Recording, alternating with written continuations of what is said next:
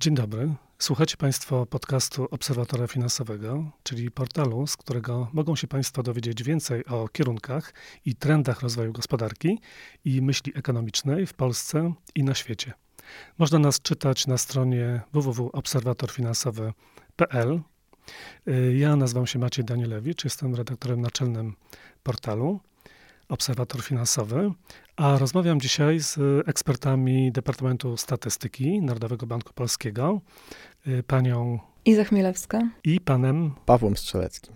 Dzień dobry, witam Państwa. Ostatnio w Obserwatorze Finansowym y, sporo miejsca poświęciliśmy y, tematowi imigracji, czyli obecności na przykład Ukraińców na rynku pracy w Polsce. To jest bardzo bieżący temat, tym bardziej w lecie. Jest duży napływ imigrantów y, do prac sezonowych. Y, natomiast dzisiaj porozmawiamy o kierunku odwrotnym, to znaczy o emigracji Polaków do krajów Europy Zachodniej. Emigracja to oczywiście brzmi tak bardzo y, poważnie. Myślę, że jeszcze w latach 90. emigracja y, to były dłuższe zjawiska. W tej chwili mm, emigracją pewnie nazywamy również wyjazdy krótsze. Czy Państwo badając emigrację badacie wszystkie wyjazdy Polaków do krajów Europy Zachodniej? No, oczywiście, że nie. E, tak naprawdę skupiamy się na pobytach Polaków za granicą powyżej trzech miesięcy, e, w tym pobytach, e, wyjazdach do pracy przede wszystkim. Badanie dotyczy y, ograniczonej liczby krajów. Jakie to kraje? Badanie, o którym mówimy, zostało przeprowadzone w Wielkiej Brytanii, Niemczech, Norwegii oraz Holandii w listopadzie i grudniu 2018 roku. Czyli jest to bardzo y, świeży y, temat. Mm, dlaczego akurat te kraje zostały wzięte pod uwagę? No, jeśli chodzi o Wielką Brytanię czy, czy, czy, Niemcy, to są główne kraje docelowe migracji z Polski, przynajmniej w ostatnich dziesięcioleciach. E, jeśli chodzi o Holandię, to jest to taki przykład kraju, który e, później otworzył swój rynek pracy dla Polaków, natomiast Norwegia została wybrana dlatego, że w ostatnich latach coraz częściej Polacy wyjeżdżają do tego kraju. Czy można oszacować w ogóle skalę y, emigracji Polaków w tych czterech krajach na przykład? Ile przebywa osób? Szacunkami emigracji zajmuje się Główny Urząd Statystyczny i my posiłkujemy się także tymi danymi, również przy właśnie wyborze tych y, państw, gdzie prowadzimy badania. Także od wielu lat y, GUS regularnie publikuje takie liczby właśnie dotyczące liczby Polaków pracujących, przybywających za granicą. I właśnie Wielka Brytania i Niemcy to są te dwa najbardziej popularne kierunki. Tam jest około, czy nawet powyżej 700 tysięcy osób. Te dwa pozostałe kraje, które badamy, są trochę mniej popularne, ale nadal ich znaczenie jest bardzo duże. Czyli bierzecie Państwo dane z GUS-u, a to, co Państwo badacie, to, y, to są jakiego typu badania? To są bardzo szerokie badania. My badamy z jednej strony takie aspekty społeczno-ekonomiczne, profil migrantów, ale także ich sytuację na zagranicznym rynku, e, ich sytuację zawodową, finansową, e, proces osiedlania się, bo to też jest dla nas bardzo ważne, a także bardzo ważny aspekt, jakim są transfery środków do Polski to badanie jest unikalnym badaniem, jeśli chodzi o polskie warunki. Unikalne jest dlatego, że jest przeprowadzane co dwa lata, już od 2007 roku i unikalne jest ze względu na swoją skalę. Nie jest to badanie e, e, telefoniczne na bardzo małej próbie, to jest prawdziwe badanie ankietowe na dużych próbach umożliwiających e, wnioskowanie statystyczne. Ja może dodam, że badanie po raz pierwszy zostało przeprowadzone w 2007 roku, także mamy już tutaj dość dużą pulę tych badań i, i danych do porównań. No właśnie, bo y, pewnie najciekawsze jest porównanie, y, jak, jak na początku wyglądała sytuacja z emigracją i y, jak ona się zmienia z czasem.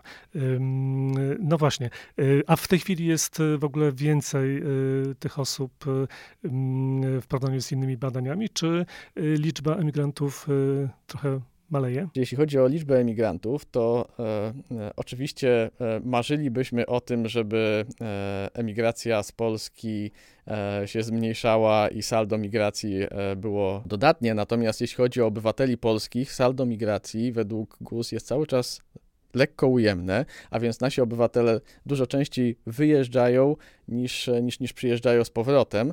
Z naszych badań wynika, że w ostatnich latach, ze względu na bardzo dobrą sytuację na polskim rynku pracy, nie nastąpiła e, emigracja powrotna, natomiast zahamowane zostały kolejne wyjazdy naszych obywateli. Czyli sytuacja w Polsce y, y, ostatnie lata y, ma wpływ na to, jakie, jakie decyzje są podejmowane, tak? Oczywiście, tak naprawdę na decyzje dotyczące emigracji wpływają zarówno e, kwestie ekonomiczne, takie jak stopa bezrobocia w regionie, w którym e, dana osoba, e, dana osoba żyje, jak i wynagrodzenia wynagrodzenia w porównaniu z większymi miejscowościami w Polsce, jak i wynagrodzenia w innych e, e, krajach, do których taka osoba mogłaby wyemigrować, e, ale także wpływają na to kwestie rodzinne. Dość często emigranci E, przemieszczają się do innych krajów, dlatego że ktoś z rodziny jest już w tym kraju.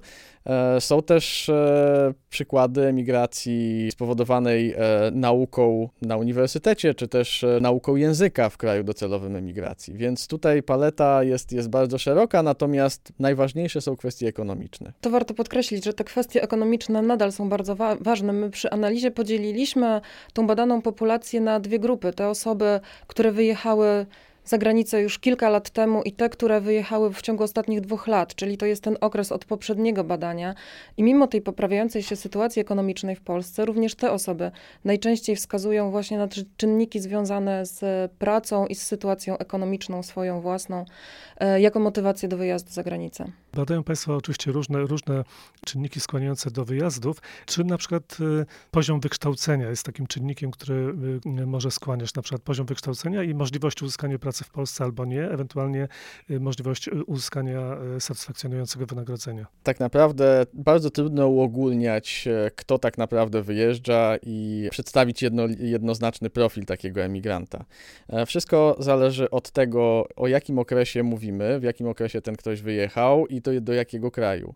E, z naszych badań wynika, że w Wielkiej Brytanii mamy emigrantów, którzy są najlepiej stosunkowo wykształceni. To były osoby z wyższym wykształceniem, wyjeżdżające w czasie tej wielkiej fali emigracji po wejściu Polski do, do, do Unii Europejskiej. To byli głównie absolwenci, którzy e, akceptowali, można powiedzieć, e, gorsze warunki pracy na tym docelowym rynku, brak, brak możliwości znalezienia pracy w swoim zawodzie, czy, czy, czy adekwatnym do, do kierunku studiów, e, które skończyli, ale wynagrodzenia były na tyle wysokie, że przyciągały emigrantów. No i Wielka Brytania otworzyła swój rynek pracy zaraz po wejściu Polski.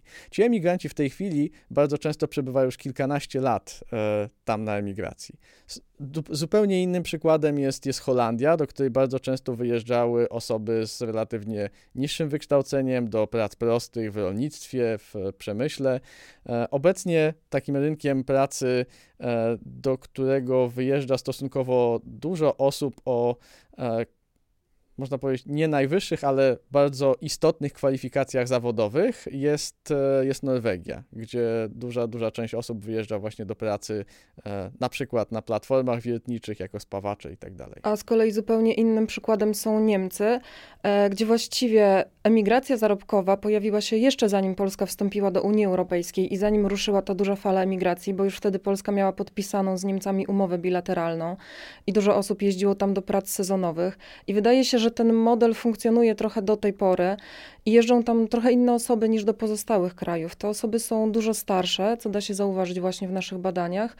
E, więcej jest osób z niższym wykształceniem, a także osób z małych miejscowości i, i, i ze wsi. A ile zarabiają emigranci? Bo y, jeśli rzeczywiście mm, y, powody ekonomiczne są ważną częścią składową mm, takich decyzji, no to y, taka intuicja podpowiada, że, że te zarobki muszą być mm, bardzo, bardzo dużym magnesem. Czy to się różni między krajami i jakie to są kwoty, czy może, jeśli można porównać z tym, co ewentualnie te same osoby mogłyby zarobić w Polsce? Wynagrodzenia e, były i są najważniejszym powodem emigracji. E, tyle tylko, że jest to, po, że jest to dosyć e, wrażliwa kwestia. To znaczy, jeżeli przeprowadzamy wywiad z emigrantami, to nie mamy dokładnych wynagrodzeń, ale można powiedzieć, że w sposób przybliżony możemy określić wynagrodzenia tych, tych osób. Bardzo często zdarza się tak w badaniach społecznych, że te wynagrodzenia mogą być odrobinę zaniżone. E, natomiast e, ważne, że mamy te dane i te dane pokazują, że nominalnie tak naprawdę we wszystkich krajach emigranci mogą liczyć przynajmniej na dwukrotnie wyższe wynagrodzenia, jeśli porównujemy środkowych pracowników, czy środkowe osoby w takim rozkładzie pomiędzy danym krajem a Polską.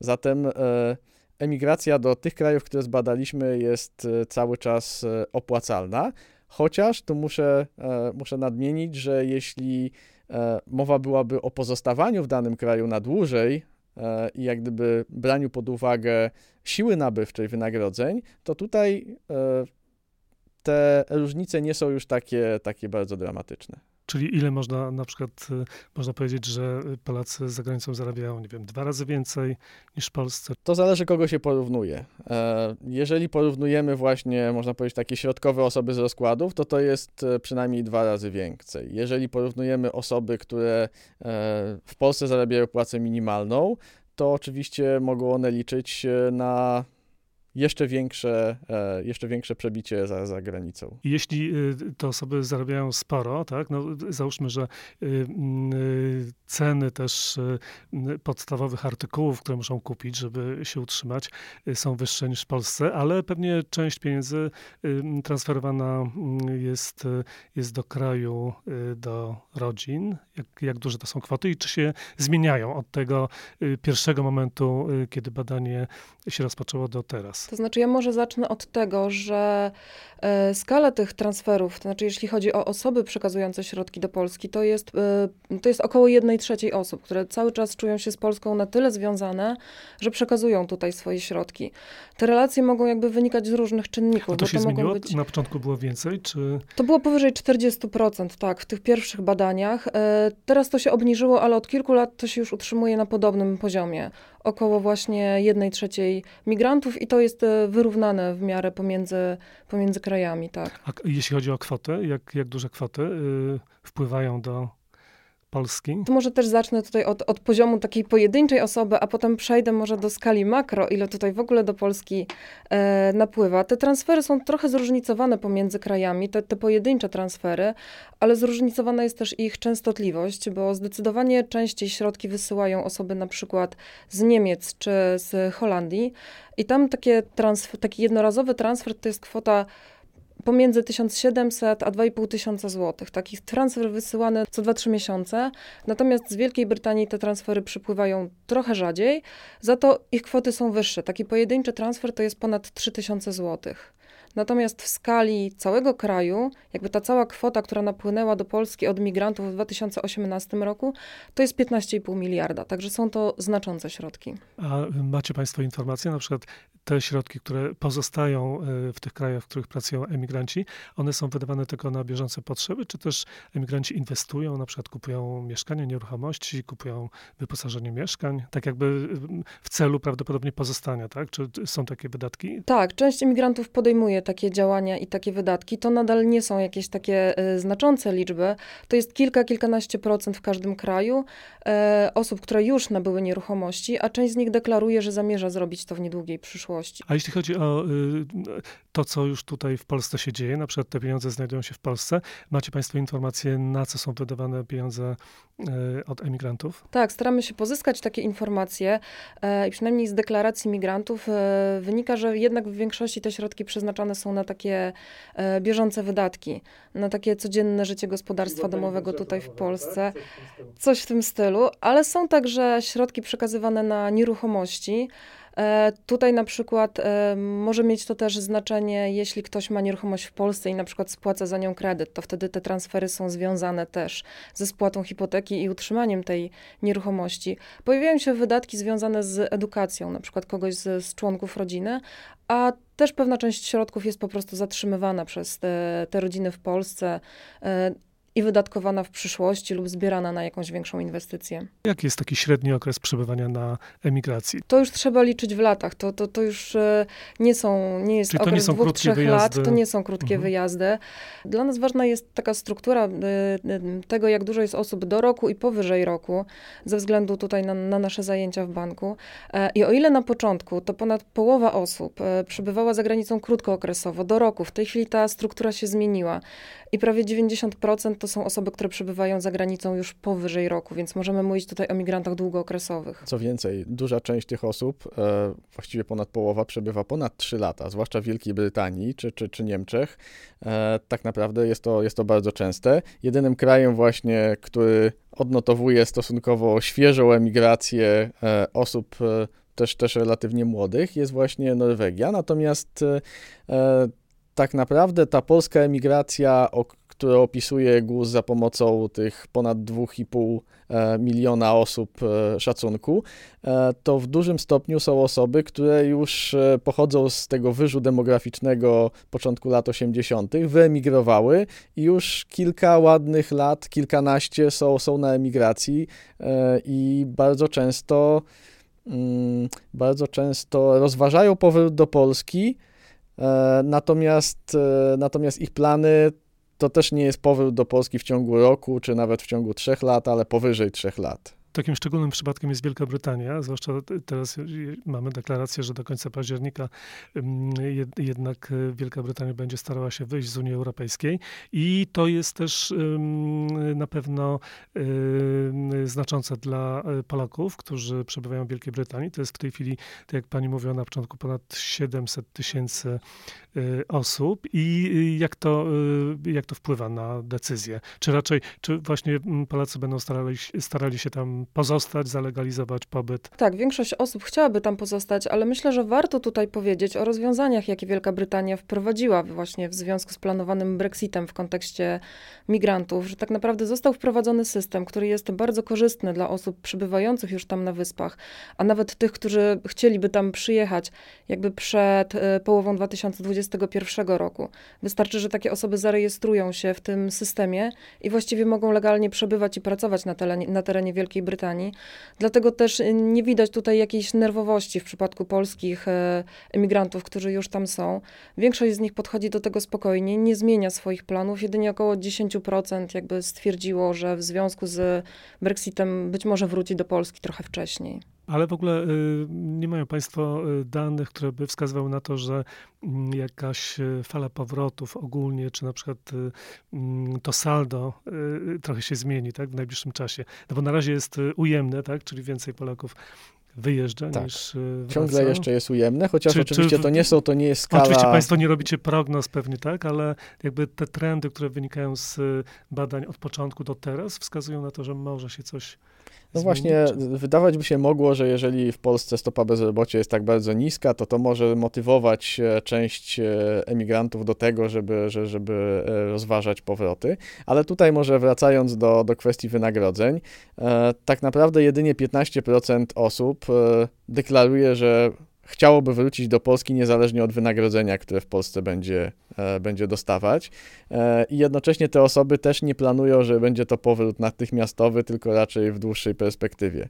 Zatem e, można powiedzieć, że te wynagrodzenia cały czas będą, będą takim magnesem powstrzymującym od emigracji. Tu trzeba wziąć pod uwagę także to, że podejmując decyzję o emigracji, te osoby zainwestowały już e, w to, żeby być za granicą. I teraz skłonienie ich do powrotu do Polski, no pewnie będzie wymagać e, dłuższego czasu i także zmiany być może ich sytuacji rodzinnej, e, czy też... No tak, to już jest troszeczkę trudniej, zwłaszcza jeśli się dłużej przebywa za granicą. Tak, doświadczenia takich mhm. krajów jak, jak Portugalia czy Hiszpania, po tym jak, jak, jak weszły do, do, do Unii Europejskiej, też następowała stamtąd masowa emigracja, no wskazują, że z czasem taka powrotna emigracja się pojawia, ale to może nie być więcej jak 30% osób, przynajmniej w tamtych krajach hmm. tak było. Czyli raczej y, wdającej się przewidzieć y, przyszłości y, nie, nie możemy oczekiwać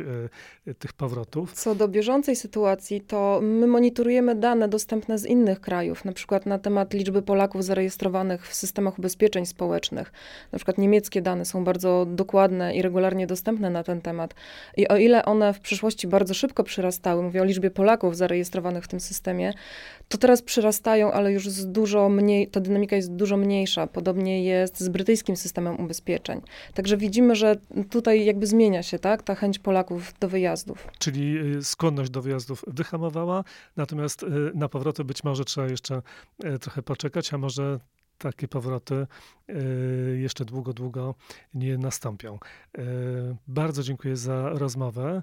Gośćmi podcastu Obserwatora Finansowego byli eksperci Departamentu Statystyki Narodowego Banku Polskiego, pani Iza Chmielewska i pan Paweł Strzelecki.